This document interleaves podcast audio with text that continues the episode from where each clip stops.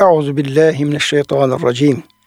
بسم الله الرحمن الرحيم. الحمد لله رب العالمين. والصلاة والسلام على رسولنا محمد وعلى آله وصحبه أجمعين. اللهم صل على سيدنا محمد طب القلوب ودوائها وعافية الأبدان وشفائها ve nuril ebsari ve diyaiha ve ala alihi ve sahbihi ve barik ve sellim teslimen kesiran kesira. Çok değerli, çok kıymetli dinleyenlerimiz, yeni bir Üsve-i Hasene programından bendeniz Ömer Çelik, siz değerli kıymetli dinleyenlerimizi Allah'ın selamıyla selamlıyor. Hepinize en kalbi, en derin hürmetlerimi, muhabbetlerimi, sevgi ve saygılarımı arz ediyorum.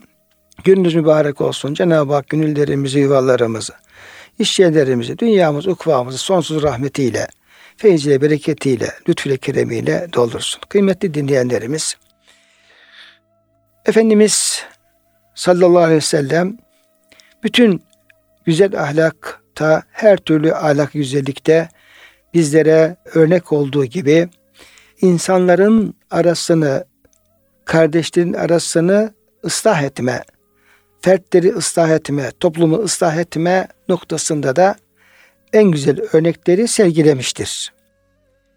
Tabii ki Kur'an-ı Kerim'in Efendimiz Aleyhisselam'a vahyedilmesinin en önemli hikmetlerinden birisi de ferdi ıslahtır, toplumu ıslahtır ve bütün dünyayı da ıslah etmeye, düzeltmeye çalışmaktır. Ve gerek fertle, gerek toplumla, gerek dünya ile ilgili bozuklukları, fesatları, eksiklikleri gidermektir ve kapatmaktır. Onun için Cenab-ı Hak böyle anlaşmazlıklar söz konusu olduğunda orada bizlere, biz Müslümanlara kardeşlerinizin arasını ıslah edin diye buyurmaktadır. Eğer iki kardeş arasında herhangi bir problem yaşanırsa, kardeşliği zedeleyecek bir durum söz konusu olursa mutlaka adil bir şekilde ve onlara eşit mesafede durarak ve her ikisinin de e, hayrını, iyiliğini isteyerek onları barıştırın, ıslah edin diye ayet-i kerimelerde bizlere emir buyurmaktadır. Peygamberlerin gönderilme hikmeti de ıslahtır. Ferdi ıslahtır, toplum ıslahtır, e, insan arasında anlaşmazlıkları gidermektir. Mesela Şuayb Aleyhisselam'ın şöyle bir ifadesi yer alır ayet-i kerimede e, kavmiyle onlara kendi konumunu izah ederken Cenab-ı Hakk'ın kendisine büyük lütuflarda bulunduğunu, rızıklarda bulunduğunu, kendisini peygamber yaptığını, kendisini işte sırat-ı müstakime hidayet ettiğini bunları beyan ettikten sonra vazifesini beyan sadedinde de in uridu illel ıslaha mestetat ben gücüm yettiği kadar ıslaha çalışıyorum. Yani iyi şeyler yapmaya, insanların hayrına, sizlerin hayrına, iyiliğine olacak şeyleri yapmaya çalışıyorum diyerek kendi vazifesini, kendi sorumluluğunu bir e, ıslah kelimesiyle ifade etmektedir. Kıymetli dinleyenlerimiz, tabi Kur'an-ı Kerim'de ıslahla alakalı çok ayet-i kerimeler var. Peygamberlerin ıslah faaliyetiyle ilgili Kur'an-ı Kerim'de çok güzel örnekler var. Böyle olunca inşallah yeri geldikçe onlardan da yine misaller, örnekler aktarmaya gayret göstereceğim inşallah. Ama öncelikle Müslüman kardeşlerimizin, mümin kardeşlerimizin arasını ıslah etmekle ilgili olarak sevgili peygamberimizin bir kısım önemli tavsiyelerine yer vermek istiyorum programımızın başında. An Enes İbni Malik'in radıyallahu an enne Resulallah sallallahu aleyhi ve sellem kâle La tebâgadu ve la tehâsedû ve la tedâberû ve kûnû ibadallahi ihvânen ve la yahillu li muslimin en yehcura ahahu fevka selâsi leyalin. Enes bin Malik radıyallahu anh'ten nakledildiğine göre Resulullah sallallahu aleyhi ve sellem şöyle buyurmuştur. Birbirinizden nefret etmeyin. Birbirinize haset etmeyin. Birbirinize sırt çevirmeyin. Ey Allah'ın kulları kardeş olun bir Müslümanın din kardeşiyle üç günden fazla küstürması helal olmaz. Dolayısıyla bazen küskünlükler, dargınlıklar olabiliyor farklı sebeplerle. Orada İslam'ın bu hükmünü bilmeyen insanlar bu küskünlüğünü uzun zaman devam ettirebiliyorlar. Yani belki günlerce, haftalarca, belki aylarca hatta yıllarca devam eden böyle e, küskünlükler, kırgınlıklar, karşılıklı yani alakaların kesilmesi söz konusu olabiliyor. Ama Efendimiz Aleyhisselam burada bir önemli dinimizin emrini dile getiriyor. Bir Müslümanın din kardeşi üç günden fazla küs durması helal olmaz. Mutlaka bir yolunu bulup üç gün sonrasında barışmanın çarelerine bakmak gerektiğini Efendimiz bize öğretmiş olmaktadır. Efendim sevgili Peygamberimiz sallallahu aleyhi ve sellem konuştuğu, hitap ettiği gruba göre veya konuştuğu insana göre kendisine soru soran kişinin haline göre Resulullah Aleyhisselam o kişiyi, o topluluğu ilgilendiren hususları öne alırdı. Yani rivayetlere baktığımız zaman, Efendimiz Aleyhisselam'ın bu tür münasebetlerine baktığımız zaman bunun örneklerini görürüz. Mesela gelir bir sahabe der ki Ya Resulallah bana nasihatte bulun. Evsini ya Resulallah. Bana bir öğütte bulun, bir tavsiyede bulun. Efendimiz Aleyhisselam bakar ki o kişi öfkeli bir insan. Yani neredeyse öfke yani Efendimiz'e o talepte bulunurken bile öfkesi dışa yansıyacak derecede öfkesi zahir gözüken bir yapıya sahip ve e, çok kolay kızabilen, çok kolay öfkelenen bir yapıya sahip olduğunu Efendimiz Aleyhisselam görünce ona la tağdap, öfkelenme tavsiyesinde bulundu. Sonra yine ya Resulallah bir, bir öğütte bulunur musun diye e, talep edince Efendimiz Aleyhisselam yine öfkelenme buyurdu. Yine üçüncü kez yine öfkelenme buyurdu. Niye? Çünkü o insanın en fazla ihtiyaç duyduğu şey e, öfkesine hakim olabilmek, öfkesini yenebilmek. Onu başardığı takdirde diğer efendim güzellikleri de rahat yapabilecektir. Mesela bir kısım insanlar geliyor Efendimiz Aleyhisselam'a diyorlar ki Ya Resulallah eyyül amali e, eftal. Hangi amel daha fazilettir veya eyyül amali e, ehabbu ilallah. Hangi amel Rabbimize daha sevimlidir? Bakıyor ki kişinin biraz namaza ilgisi az veya namaz vaktinde kılmakla alakalı problemleri yaşıyor. Mesela ona ilk sırada işte namazı ilk vakti kılmaktır diye Efendimiz Aleyhisselam cevap veriyor. Bir kısmının diyelim ki anne babaya iyilikle alakalı bir ağırlığı var, bir tembelliği var. Öyle bir problem yaşıyor. Ona diyelim ilk planda işte anne baba iyiliğinin en faziletli amel olduğunu dile getiriyor. Bir kısmının diyelim ki infakla ilgili, bir kısmının cihatla alakalı e, yaşadığı bir sıkıntı var. Yani bir e, tembelliği var veya bir problem yaşıyor. Efendimiz Aleyhisselam ona cihadı tavsiye ediyor. Dolayısıyla buradaki ortamda da herhalde orada birbiriyle aralarında anlaşmazlık bulunan veya ıslah edilmesi gereken durumlar söz konusu olduğundan dolayı sevgili peygamberimiz yoksa burada Resul Efendimiz orucun, namazın, sadakanın e, daha az faziletli, daha az önemli olduğunu bildirmiyor Efendimiz Aleyhisselam. Ama oradaki pozisyonda, oradaki durumda kardeşlerin arasını ıslah etmenin çok daha önemli olduğunu vurgulamak üzere bu ifadede bulunduğunu şarihlerimiz söylemektedir. Ve iki kişinin arasını bozmak ise iman kökünden kazan, yok eder. Yani ıslahı önemsiyor, onu tavsiye ediyor.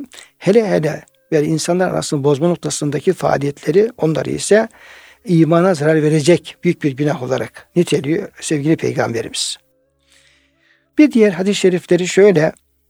An Ebi Eyyube radıyallahu anh an Nebi sallallahu aleyhi ve sellem kâle La yahillu li muslimin en yehcura ahahu fevka selasin yeltekiyani ve yasuddu hâzâ ve hayruhuma ellezî yebde'u bis selam.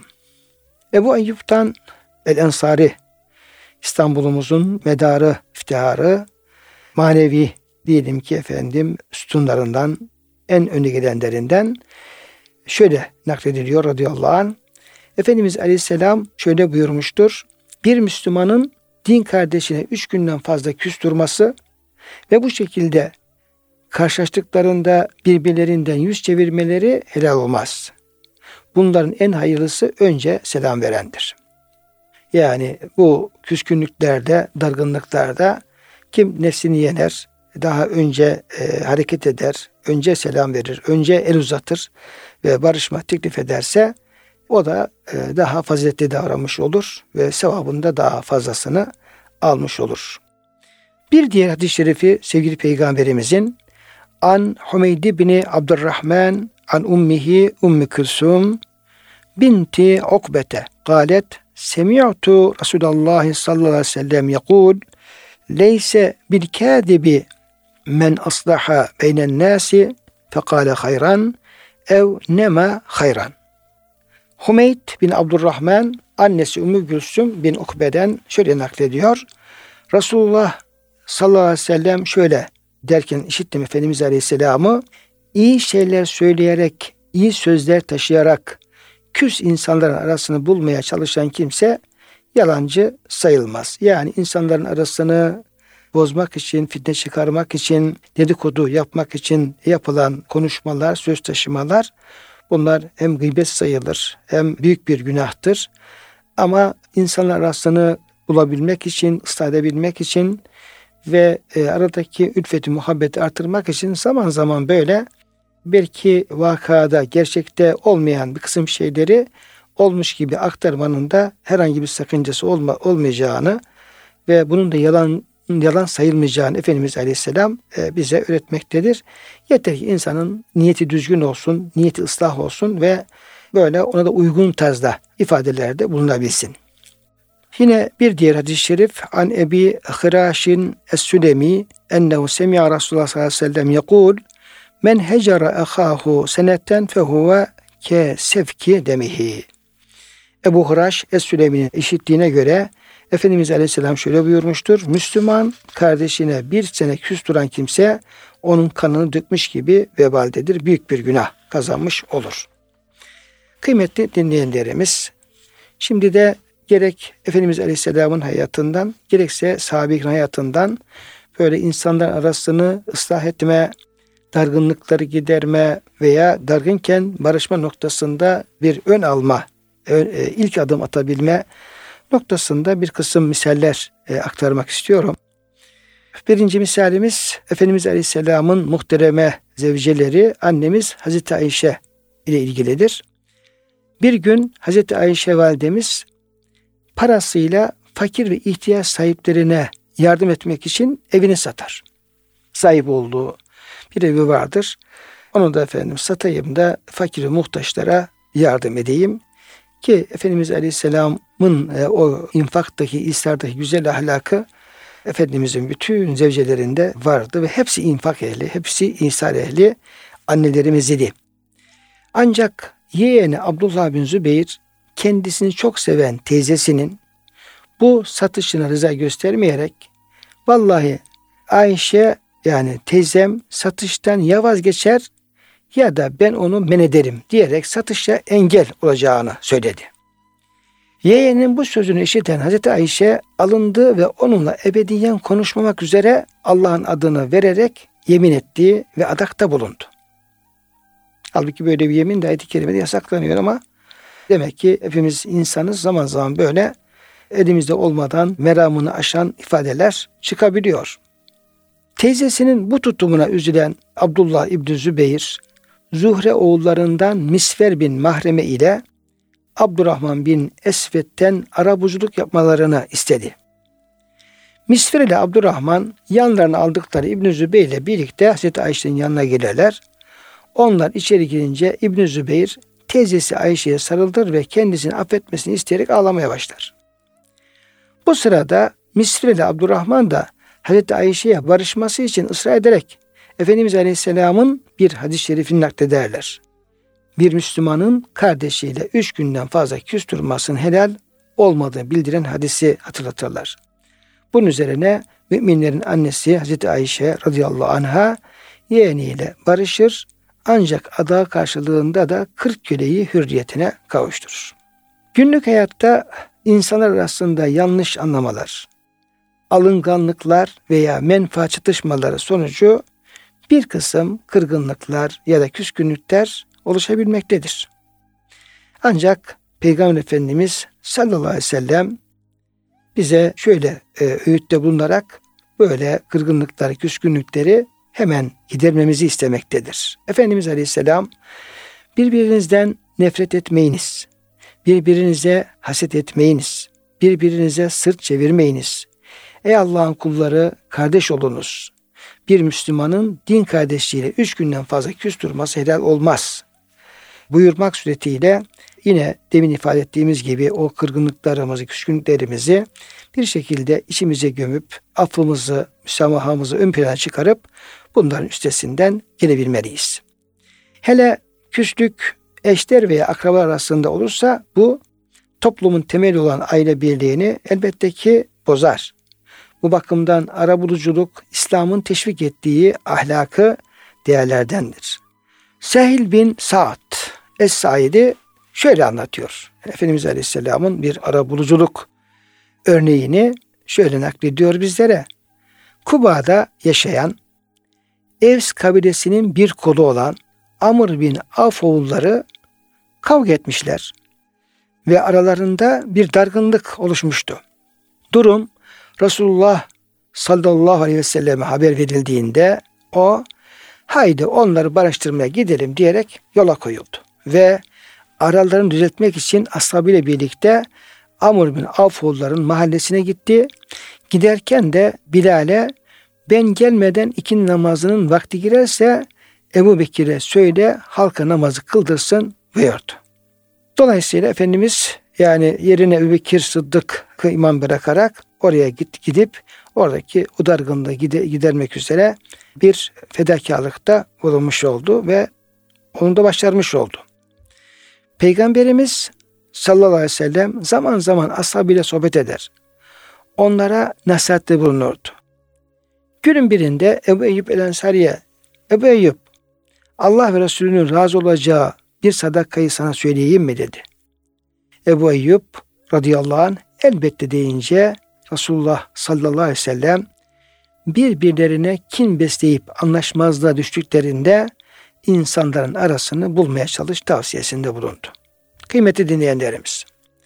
Ara buluculuk iki kişi veya topluluk arasında var olan çatışma, kavga, dargınlık ve küslük durumlarını ortadan kaldırma faaliyetidir, teşebbüsüdür.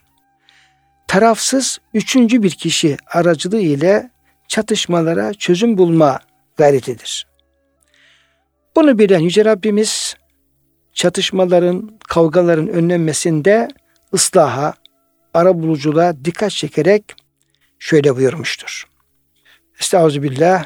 İnnemel mu'minune ihvetun fe aslihu beyne ahaveykum vettekullaha leallekum turhamun.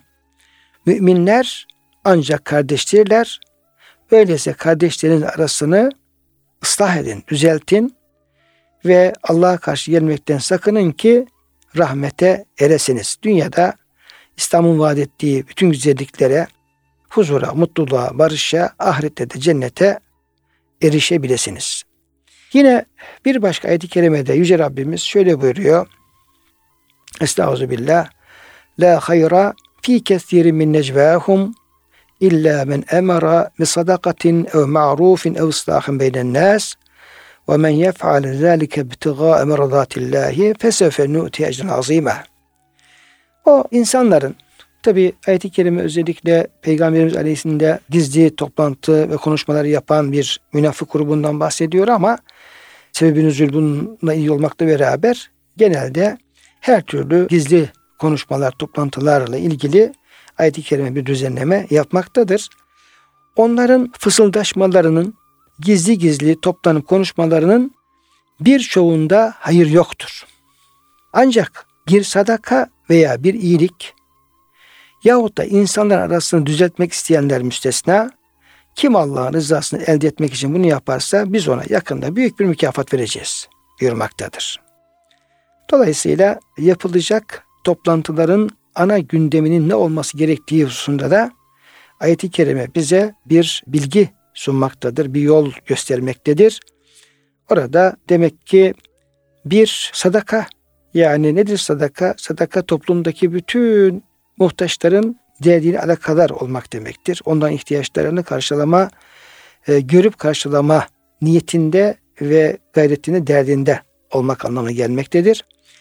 İyilik, maruf, bütün toplumda iyiliğin hakim olması ve kötülüklerin, günahların ortadan kaldırılması gayretidir.